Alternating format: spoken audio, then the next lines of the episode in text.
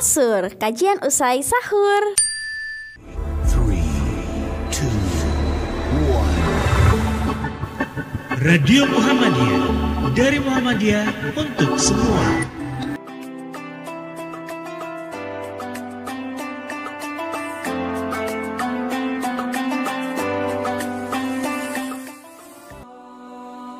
Ada cemoohan dari orang lain sedikit saja kita sudah merasa sudah berat. Meninggalkan kenikmatan duniawi sedikit saja kita sudah merasa berat. Karena persoalannya di sini kita belum selesaikan persoalan dengan diri kita sendiri masuk Islam secara kafah. Tetapi kita harus punya keinginan untuk itu punya cita-cita. Karena cita-cita melaksanakan Islam secara kafah akan bisa menambah kekuatan kita. Kita ambil contoh bahwa cita-cita itu mempengaruhi kekuatan. Orang lari orang lari maraton 10 km. Orang yang sama pada satu saat ikut lari maraton 10 km. Orang yang sama pada saat yang lain ikut lari maraton 5 km. Orangnya sama, staminanya sama, fisiknya sama, tapi kenapa kalau kita ukur tingkat kelelahannya tatkala sudah selesai 5 km pada lari maraton 5 km tatkala baru sampai 5 km tatkala mengikuti lari maraton 10 km itu berbeda. Waktu dia ikut maraton 10 km, waktu 5 km dia masih segar, masih fit. Belum ada tanda-tanda lelah. Tapi waktu dia ikut lari maraton 5 km, dia sudah loyo sekali. Bahkan mungkin sudah terduduk, tidak bisa jalan lagi. Padahal orangnya sama. Apa yang membedakan dia? Motivasinya. Niatnya itu, cita-citanya. Tadi dia bercita-cita lari 5 km dan begitu sampai 5 km habislah tenaganya. Tapi tatkala dia bercita-cita lari 10 km, 5 km dia mesti segar. Oleh sebab itu kalau kita bercita-cita menjalankan Islam secara kafah, insya Allah kita akan diberi oleh Allah tenaga. Kita tidak akan kehabisan nafas. Tapi kalau cita-cita kita kecil saja, menjalankan Islam ya sedikit saja, sebahagian saja, ya saya jadi orang Islam biasa-biasa sajalah. Saya jadi orang Islam yang belakang-belakang sajalah. Kalau itu sedikit saja nampaknya sudah habis itu. Baru 3 km sudah harus disiram dengan air, dapat hambatan sedikit saja KO. Tapi kalau cita-cita yang tinggi itu kepada kekuatan fisik, saya kira buat sementara ya walaupun saya tidak psikolog tapi sepanjang yang saya baca itu sangat berpengaruh sekali ya. Keadaan jiwa seorang sangat mempengaruhi keadaan fisiknya. Dari segi waktu seorang muslim dari segi waktu seseorang harus menjadi muslim 24 jam sehari semalam. Dengan arti kata dia harus mengislamkan seluruh kehidupannya sampai akhir hayat. Ya ayyuhalladzina amanu apa? Ittaqullaha haqqa tuqatih wa la tamutunna illa wa antum muslimun. Ya, sebenarnya yang dituntut oleh Allah itu tidak banyak-banyak dari kita. Apa yang dituntutnya? Mati sebagai muslim, gitu saja. Kalau bisa ada jaminan kita akan mati sebagai muslim yang baik, itu sudah bagus walaupun sebelumnya tidak. Kalau umur kita 62 60 tahun nggak muslim dua tahun saja muslim itu sudah lumayan. Satu tahun saja juga sudah lumayan. So yang dituntut wala tamutunna illa wa antum muslimun. Tapi ya sayang tidak ada seorang pun yang tahu kapan dia akan mati. Kalau misalkan kita meninggalkan Islam itu satu tahun saya tidak tidak Islam dulu lah tahun 92 ini. Kalau ada yang menjamin bahwa 93 kita hidup itu tidak apa-apa. Karena hitung-hitung cari pengalaman tuh. Ya setahun cari pengalaman kan tidak apa-apa lah kita hidup bebas dulu free sex keliling-keliling dunia pindah-pindah agama. Pokoknya kita ikutlah kayak orang-orang itu asal hati-hati aja jaga jangan sampai dapat air. Misalkan. Tapi 93 kita akan kembali menjadi orang muslim yang baik. Kalau ada yang jamin kamu masih hidup 1 Januari 93 saya kira tidak apa-apa. Kalau satu bulan saja kita tinggalkan juga tidak ada jaminan dalam bulan ini kita akan hidup terus sampai bulan yang akan datang.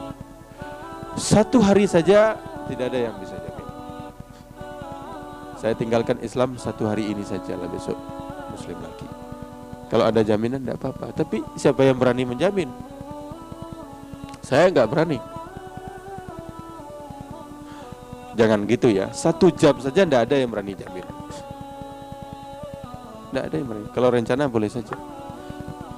Kalau begitu satu menit pun tidak ada yang menjamin. Makanya Islam mengatakan untuk mencapai wala tamutunna illa wa antum muslimun jangan kamu mati kecuali sebagai muslim itu harus islamiyatul haya harus dilakukan islamisasi kehidupan sepanjang waktu supaya kita selalu siap apabila malaikat maut Dari segi ruang lingkup dia harus mengislamkan kehidupan pribadinya, keluarga, masyarakat, dan negara. Dari segi aspek kehidupan dia harus mengislamkan seluruh aspek kehidupannya seperti aspek ekonomi, politik, budaya, seni, ilmu pengetahuan, dan lain sebagainya. Atau dengan bahasa lain, seorang harus menjadi muslim dalam akidah, ibadah, akhlak, dan muamalah.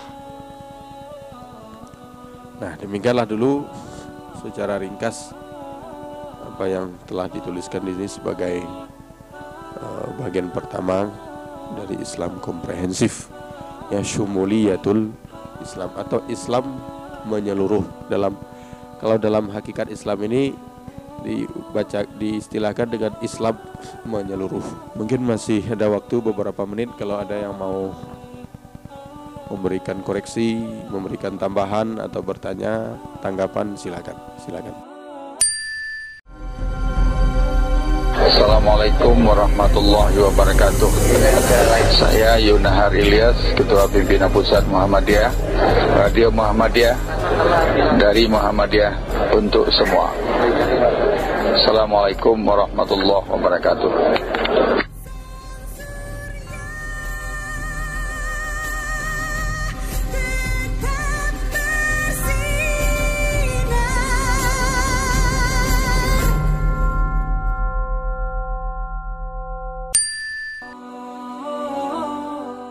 itu katanya dalam bulan Ramadan terakhir 10 hari itu uh, menurut sunnah Rasul itu ada iktikaf tetapi uh, terus menerus di masjid itu ya. Jadi siang malam makan. Pokoknya Rasulullah itu selain uh, punya hajat buang air atau buang air besar atau kecil itu tidak keluar dari masjid.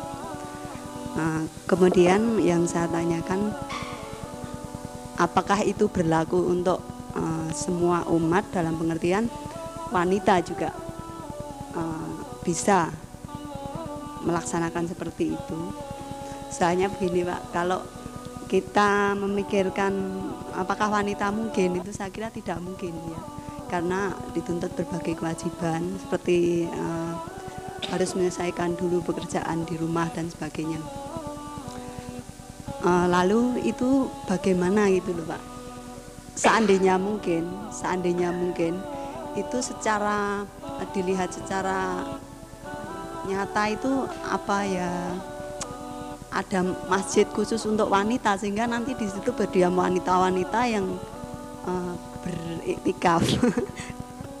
Saya kira sulit ya itu ya.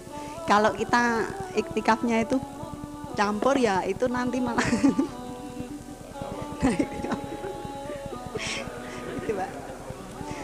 itu ya Pak yang pertama. Kemudian ini Pak selama ini memang eh, selama penataran Pak Aida Pak Aida tadi juga menyatakan bahwa sumber yang menyebabkan perjinahan itu wanita ya Pak. Ya saya sedikit mau membela diri. Ya membela membela diri sebagai wanita. Ini ya Pak statement seperti itu apakah tidak baiknya itu dibatasi pada kurun waktu? Masalahnya begini sekarang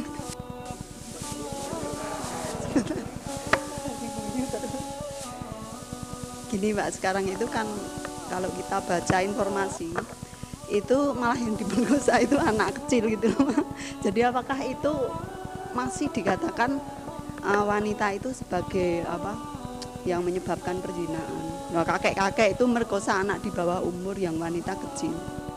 Nah, itu bagaimana menurut Pak Yunhar? Kemudian satu lagi nih Pak. Tadi Pak Yunhar menyatakan bahwa uh, saya itu seorang muslim. Kemudian bila uh, orang lain memandang saya itu muslimnya seperti yang saya laksanakan, apakah itu tidak salah paham begitu ya? Berarti kita itu kalau seorang muslim belum lengkap itu diam saja dosa ya Begitu Pak Yunahar. Apa yang saya tanyakan semoga bermanfaat bagi khususnya kita sebagai wanita karena selama ini dipakai terus untuk contoh itu ya. Assalamualaikum warahmatullahi wabarakatuh.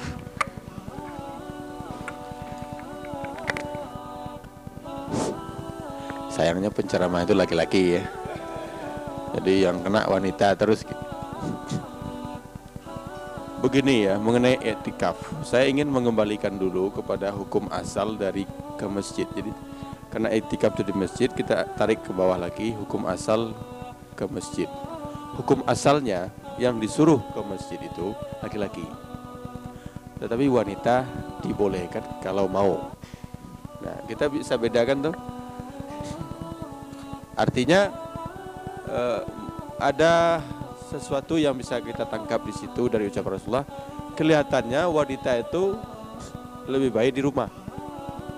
Ya. Kecuali kalau dia memutuskan ingin ke masjid. Berarti harus kita bedakan mana yang hukum asal, mana yang bukan hukum asal. Kalau hukum asal untuk laki-laki harus ke masjid. Dengan demikian, kepergian seorang wanita ke masjid baik atau tidak baiknya, afdal atau tidak afdalnya akan ditentukan oleh faktor-faktor lain. Misalkan ditentukan oleh faktor bisa terjadi eh, fitnah atau tidak. Kalau sampai di masjid bercampur-campur menimbulkan godaan dan segala macam, itu jelas di rumah lebih baik. Faktor yang kedua, apakah dia akan menelantarkan kewajibannya atau tidak. Misalkan dia punya anak kecil, dia harus mengerjakan tugas-tugas yang tidak mungkin meninggalkan rumah. Nah, dalam keadaan seperti itu, di rumah lebih baik. Rasulullah hanya mengatakan, janganlah kamu melarang wanita-wanita kalau ingin pergi ke masjid. Jadi tidak wanita harus pergi ke masjid, tidak begitu. Ada yang secara ekstrim melarang sama sekali. Ini juga tidak tepat. Karena sebab-sebab wanita dilarang itu harus dibuktikan dulu. Harus jelas dulu. Kalau tanpa sebab dilarang sama sekali juga tidak boleh. Tapi dibolehkan sama sekali bahkan cenderung dikuatkan seperti laki-laki juga tidak tepat. Makanya di samping ditentukan oleh kondisi situasi masyarakat dan masjid juga sangat ditentukan oleh pertimbangan wanita itu sendiri yang lebih tahu tentang. Nah, kalau ke masjid begitu, apalagi itikaf. Ke masjid untuk sholat kan cuma beberapa waktu saja terus pulang lagi. Apalagi itikaf yang 24 jam. Kita tidak bisa membayangkan kalau Rasulullah menyuruh juga wanita-wanita pada itikaf. Apalagi masjidnya gabung. Nah, itu kan lebih kacau lagi. Jadi diceritakan bahwa kalau Rasulullah itikaf itu Aisyah datang mengantarkan makanan. Berarti fungsi Aisyah habis mengantarkan makanan terus dia pulang lagi gitu. Saya jawab secara cepat saja karena sudah maghrib yang dua lagi ini. E, pernyataan bahwa wanita penyebab perzinaan itu saya setuju kalau memang dibatasi dari segi waktu. Artinya sekarang ini e, wanita lebih dominan sebagai penyebab terjadinya perzinaan. Dan kalau ibu tadi mengatakan ke mana dengan laki-laki yang berzina dengan anak kecil, nah bukan anak kecil, wanita kecil itu yang menyebabkan, tapi wanita yang lain di tempat lain dia lihat wanita merangsang dia, terus dia tidak bisa dekati wanita itu, dia cari anak kecil saja. Gitu. Ya, sekarang ini maksud saya sekarang ini karena memang paling sulit jadi laki-laki sekarang. Paling enak jadi wanita gitu paling sulit jadi laki-laki karena kita laki-laki itu ke mana-mana dihadapkan pada persoalan itu ya baca buku baca majalah apa saja mesti ada hal-hal yang merangsang. Tetapi sesungguhnya yang lebih berperan lagi adalah setan sebenarnya untuk terjadinya perzinaan itu. Tetapi bukan berarti laki-laki lalu lalu cuci tangan tidak bersalah sama sekali ya enggak. Sebab ke mana pun kalau wanita biarpun wanita itu agresif aktif segala macam kalau laki-lakinya imannya kuat enggak terjadi juga. Jadi tidak bisa kita nyalahkan wanita saja tanpa laki-laki. Malah laki-laki yang cari-cari ya kan? Bisa saja. Tetapi dari satu sisi memang kenyataan menunjukkan wanita sekarang banyak yang uh, menjadi penyebab. Lalu uh, yang terakhir tadi bahwa diri kita sebagai cerminan ya. Uh, saya maksudkan dengan ungkapan saya itu adalah satu dorongan kepada kita bahwa kita harus men- me- menjadi cermin dari Islam yang sebenarnya tentu sesuai dengan keyakinan kita, sesuai dengan pemahaman dan keyakinan kita. Dan kita tidak mungkin dituntut untuk hal-hal yang kita tidak bisa melakukannya. Nah, jangan-jangan kita itu aktif berdakwah untuk menjauhi Islam. Ya. Kita di mana-mana dikenal sebagai orang Islam tapi tingkah laku kita tidak menunjukkan kita itu Islam. Orang-orang yang belum beragama Islam tentu sudah a priori dulu terhadap Islam gara-gara kita. Itu yang saya maksud tadi. Jadi jangan sampai kita sudahlah nggak berdakwah ngajak orang masuk Islam malah mempromosikan supaya orang tidak masuk Islam gara-gara tingkah laku kita sendiri gitu. Jadi banyak gitu, misalkan ya tidak usahlah kita sebut misalnya ya banyak sekali lah pokoknya. Baik dalam bidang apa saja, ya dalam bidang politik, pemerintahan, dalam bidang macam-macam sering orang Islam tuh jadi jadi apa namanya jadi dai jadi juru penerangan untuk kejelekan-kejelekan Islam menimbulkan citra yang negatif terhadap Islam itu sendiri. Pergi ke barat terus berfoya-foya misalkan padahal dikenal sebagai seorang muslim itu kan juga merupakan satu uh, citra menimbulkan citra yang tidak baik kepada Islam itu sendiri. Kadangkala orang juga sengaja itu misalkan dalam film-film saya sering mengamati sering itu film-film yang entah disengaja atau tidak oleh tokoh-tokoh di belakang layar film itu kalau ceritanya eh, bandit bandit itu yang jahat-jahat itu itu kadang-kadang diberi nama yang Islam-Islam begitu ya. Kadangkala tidak juga tetapi ada kalanya disengaja nama-nama yang agak nama-nama yang tidak islamis kesannya itu itu jadikan tokoh yang baik. Sedangkan nama-nama yang Islam jadikan tokoh yang jahat. Kalau kita jeli itu bisa disengaja untuk merusak citra orang-orang yang mempunyai nama Islam yang baik. Misalnya kalau Khairuddin itu di, diceritakan sebagai bandit besar gitu. tapi Tulus Warsito itu sebagai orang baik sekali gitu. Padahal secara nama ya kan Pak Khairudin itu kan lebih dikenal nama Khairudin sebagai nama yang Islamis dibanding dengan Pak Tulus yang namanya nama Jawa. Ini, ini contoh saja Pak tidak sebenarnya gitu. Kalau Pak Khairudin Pak Tulus sama-sama baik. Ya, sama-sama baik. Jadi kalau kalau orang lain buat cerita Pak Tulus dijadikannya tokoh baik, Khairuddin tokoh jahat sehingga orang anti dengan nama yang baik Khairuddin itu bisa satu rekayasa musuh-musuh Islam. Demikian saja, banyak maaf. Bila taufik wal hidayah. Kita akhiri dengan baca hamdalah. Alamin. Radio Muhammadiyah mengucapkan selamat menunaikan ibadah puasa Ramadan. Selalu dengarkan Radio Muhammadiyah di www.radiomu.id. Radio Muhammadiyah dari Muhammadiyah untuk semua. Bye.